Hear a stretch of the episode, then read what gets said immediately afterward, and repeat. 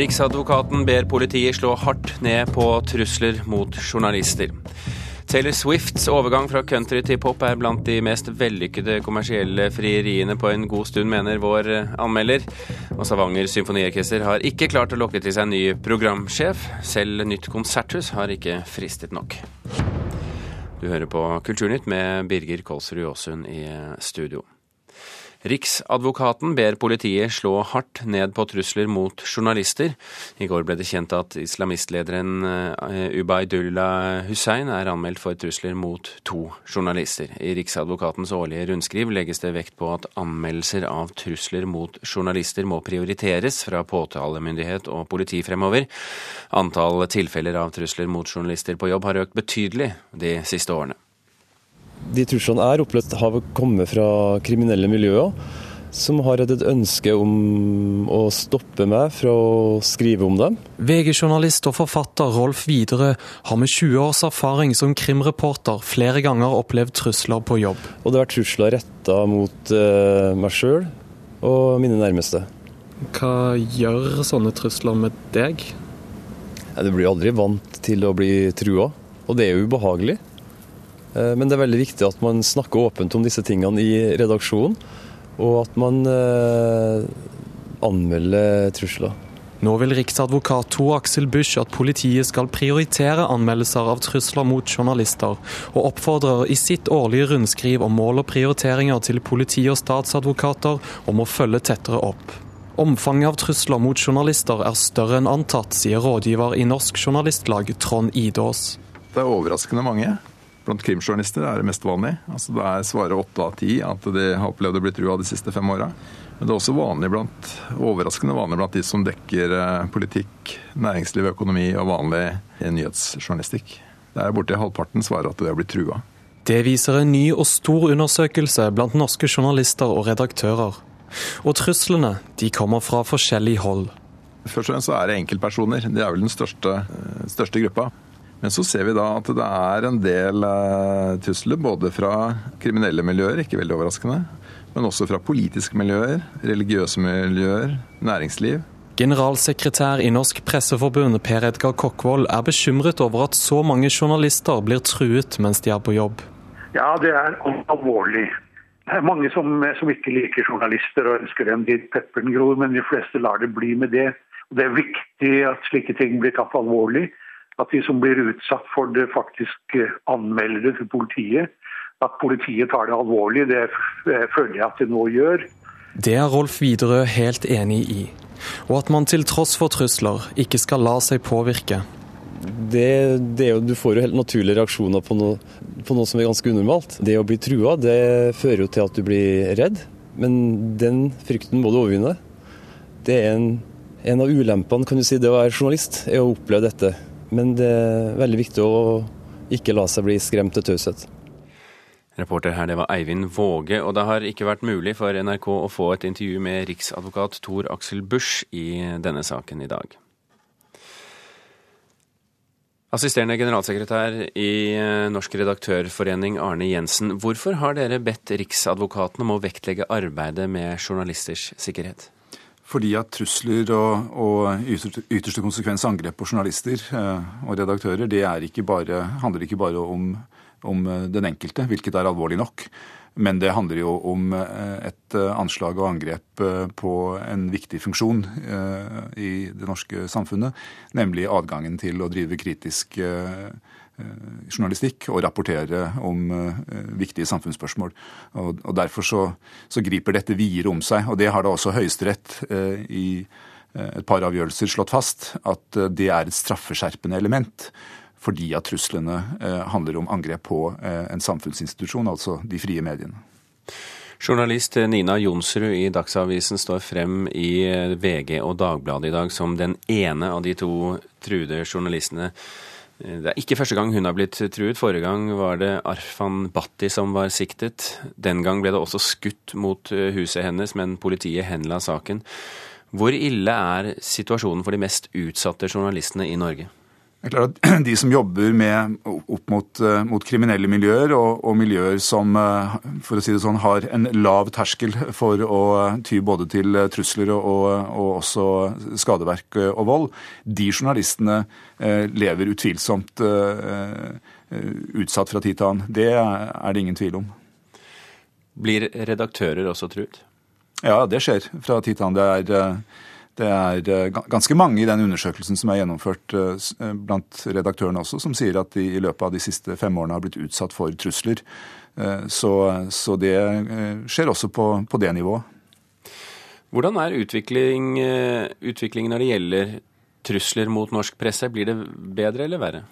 Nei, Vi har et klart inntrykk av at det har blitt flere trusler de siste årene. Eh, det var sjeldnere før. Eh, vi eh, hører om flere tilfeller nå. Vi får flere henvendelser, selv om antallet ikke er stort i og for seg. Men, det er ingenting som tyder på noe annet enn at dette er et økende problem.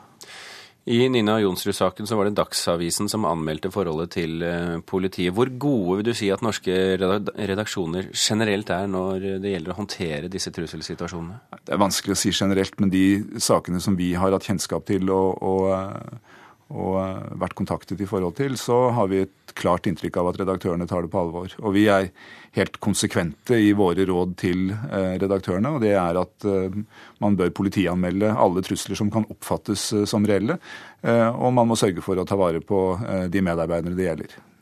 I Norsk Journalistlags undersøkelse som du henviste til i stad, så sier ingen av redaktørene at truslene går ut over journalistikken, men en tredel av journalistene sier at det gjør det.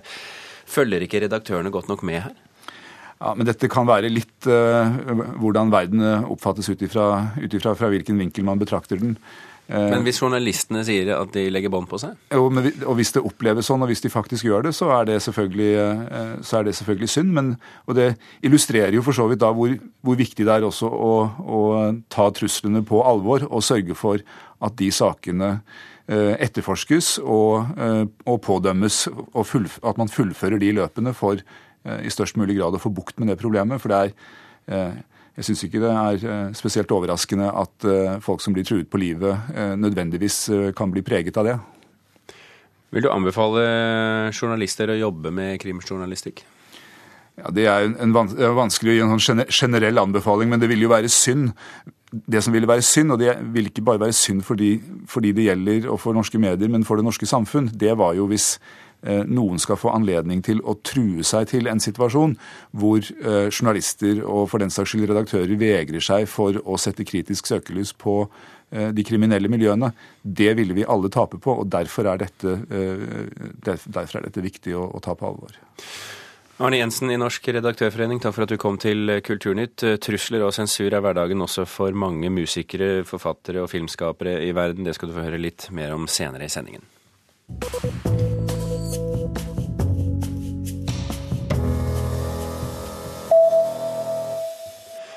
Den islamkritiske bloggeren Peder Nøstvold Jensen, bedre kjent som Fjordmann, gir ut bok om Anders Behring Breivik. Det skriver Klassekampen.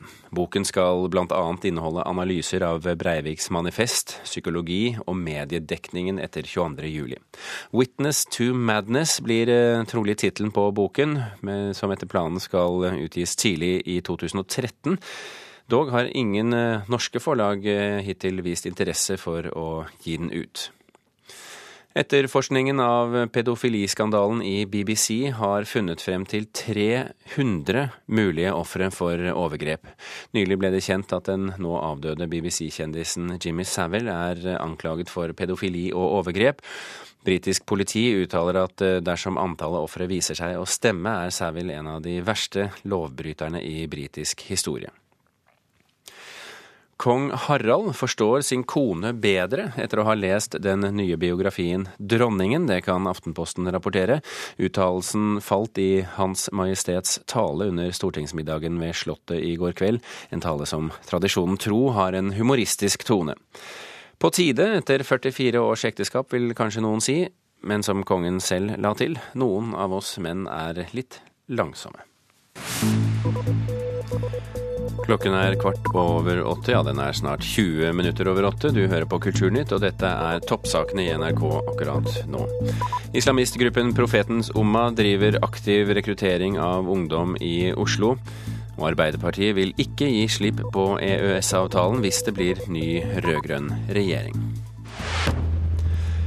Trusler og sensur er hverdagen for mange musikere og artister i verden. Nå er en del av dem samlet i Oslo under den første verdenskongressen om kunstnerisk ytringsfrihet. En av dem ble truet på livet etter at hun satte opp en forestilling i London. I consequently had to leave my home. The death threats I uh, had police protection. I mean, it was just an extraordinary time. Britiske Goprit Kaur Bhatti forteller om da teaterstykket hun hadde skrevet, 'Bestie vannære', ble satt opp i London i 2004. Stykket handlet om overgrep innenfor sikh-miljøet, og handlingen var lagt til et tempel. Det provoserte mange som tilhørte religionen. It's Um, Teatret ble stormet, stykket ble tatt av plakaten, og Batti fikk drapstrusler og politibeskyttelse. You know, oh my God, you know, my life has changed, really. I was very shocked at the magnitude and intensity of the reaction. Batti, som selv er sikh, hadde aldri trodd reaksjonene skulle bli så sterke. Men hverdagen er dramatisk for mange kunstnere som utfordrer normer og tabuer, forteller Marie Korpe. Hun leder organisasjonen Free Muse, som jobber for ytringsfrihet for musikere. Musikere som blir attakkert. Musikere som blir fengslet, arrestert, slagne og i verste fall drept. Vi har registrert omkring 70-75 stykker eh, alvorlige, seriøse fall. Men det her er jo toppen på et isberg. For det er jo ingen av oss som kan si eksakt hvor mange. Nå arrangerer Freemuse sammen med Fritt Ord den første verdenskonferansen om kunstnerisk ytringsfrihet i Oslo. Der får kunstnere dele sine erfaringer med sensur, fra vold til mer subtile metoder som å miste økonomisk støtte. Det er viktig for dem på mange plan. Dels får de treffe andre kunstnere her og dele sine historier. Og så ser de at de er ikke ensomme. Håpet er at de sterke historiene deres skal vekke oppmerksomhet og bidra til å gi kunstnere bedre beskyttelse. I notice we have some non-Muslim friends and family in the crowd, so I'll explain what that means. It means we're gonna kill you. I'm just kidding. People are what? Standup-komiker Azar Osman er amerikansk muslim og lever av å vitse om bl.a. islam. Men det er ikke alle som synes det er like morsomt. You know, yeah, there have been a fair amount of haters. Um, but invariably, what I've come to find over and over again is that people, Muslims who don't like my act or my work, either they have never heard it, even if they have, um, they often don't get it. Osman har forestillinger i en rekke ulike land, og er alltid spent på om publikum kjenner seg igjen i tematikken. Nordmenn har så langt forstått vitsene. Uh, as far as I can tell, yes. I did a joke uh, last time I was here about sneak Islamisering, you know.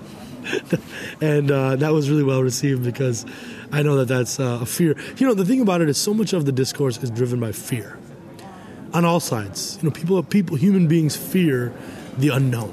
Men hvis vi ikke trosser frykten for reaksjoner, vil ingenting endres, sier Batti. I think the institutions around us definitely need to show more courage and be braver.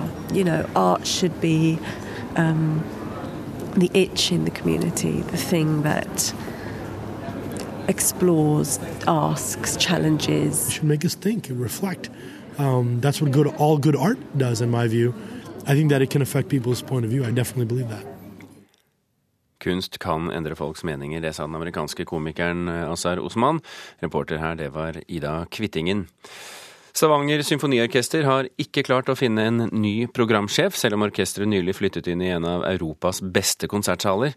Det var 23 eh, søkere til stillingen, men direktør eh, Trude Marit Risnes sier ingen eh, hadde alle de nødvendige kvalifikasjonene.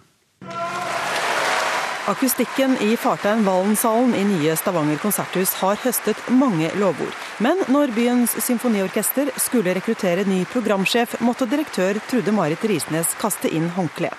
Det kan virke litt rart, men er ikke veldig overraskende, mener hun. Vi, vi, vi hadde jo mange søkere, så det var jo mange som var interessert. Men eh, det er jo helt naturlig innenfor alle områder av orkestrene, så legger vi eh, lista høyt. Det er en veldig krevende stilling å ha. Etter at programsjef Arne Almeroth sa opp i mai, ble stillingen utlyst. Det kom 23 søkere, men ingen fikk altså jobben. Og nå går orkesteret tilbake til den gamle ordningen, der musikerne får mer makt i programmeringen, sier Risnes. Jeg er jo så heldig at vi har eh, spisskompetansen i huset. Musikeren besitter programkunnskap. Også I tillegg så har vi en, en, programkoordinator som jobber opp mot agenturer og har gjort det i mange år. Og så har vi oppretta en produsentstilling. I tillegg så ønsker vi å engasjere en eller flere på konsulentbasis som sitter midt i smørøyet i Europa.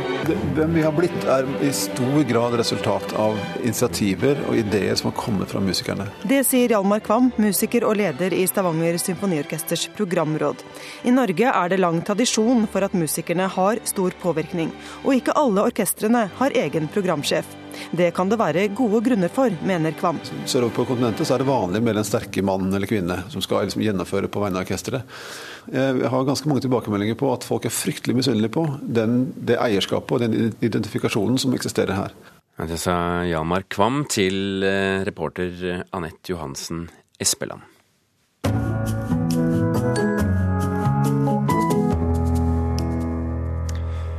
Mange godt voksne husker Jakob Breda Bulls fortelling om vesleblakken fra sin lesebok for folkeskolen. Nå blir den udødelige fortellingen teater for både store og små. Erling Stordals vise 'Vesleblakken' ble en landeplage i 1955. Novella av rendalsforfatter Jakob Breda Bull ble udødeliggjort i Nordahl Rolfsens lesebok for folkeskolen. 'Vesleblakken' det er noe som jeg har hatt med meg siden barndommen, og lenge hatt lyst til å gjøre noe på. Men eh, det tok meg i hvert fall ti år å komme fram til en idé om hvordan man kunne klare å få det opp på en scene. Og nå lager Peder Opstad i Teater Grimsborken teater av Vesleblakken. Fordi vi bare måtte. Nei, det er eh, Altså, vi lager alltid forestillinger som vi selv kunne tenke oss å se. Og denne forestillingen dekker alt. Den berører oss, den, den har noe på hjertet. Min første barndomskjærlighet var en liten gulhvit folunge som danset og sprang fra morgen til kveld, opp og ned i Sørberglien. Stykket er basert på Jakob Breda Bulls kjente novelle om hesten som redder livet til barnet ved å ta seg helt ut på sin ferd etter doktor. Den griper jo veldig. Eh, man lever seg med vesleblakken som drar ut i snøstormen og kjører ti mil på tolv timer for å hente lege til eh, veslegutten som ligger med lungebetennelse. Markus Tønseth og Peder Opstad spiller alle rollene på scenen. Atle Knutsen har regien. Å lage teater av en slik fortelling er utfordrende, sier Opstad. Det som er vanskelig, er at eh, novellen er veldig preget av tilstand og stemning. Sånn at vi prøver å koke ned hele novellen og egentlig gjenfortelle den. Og gjenskape den med våre stemmer og våre ord. Stykket settes opp av Teater Grimsborken i samarbeid med Teater Innlandet. De er profesjonelle, fine folk ute på veien. Jeg gleder meg til å overvære premieren der. Sier sjef ved Teater Innlandet, Janne Langås. Stykket om Vesleblakken skal turnere land og strand rundt både på skoler og på eldresentre. Vel, Når det gjelder de eldre, så er jo dette her en historie som veldig mange vil eh, kjenne igjen. Det som er flott med å få med barna, er at vi kan skape en felles opplevelse som de kan da dele. Det er godt over 100 år siden Jakob Breda Bull skrev fortellinga om Vesleblakken. Om stykket fenger dagens unge, gjenstår å se. Det fungerer egentlig veldig bra når jeg gjenforteller. 8.11 har Vesleblakken urpremiere i Rendalen, der Jakob Reda Buhl kom fra.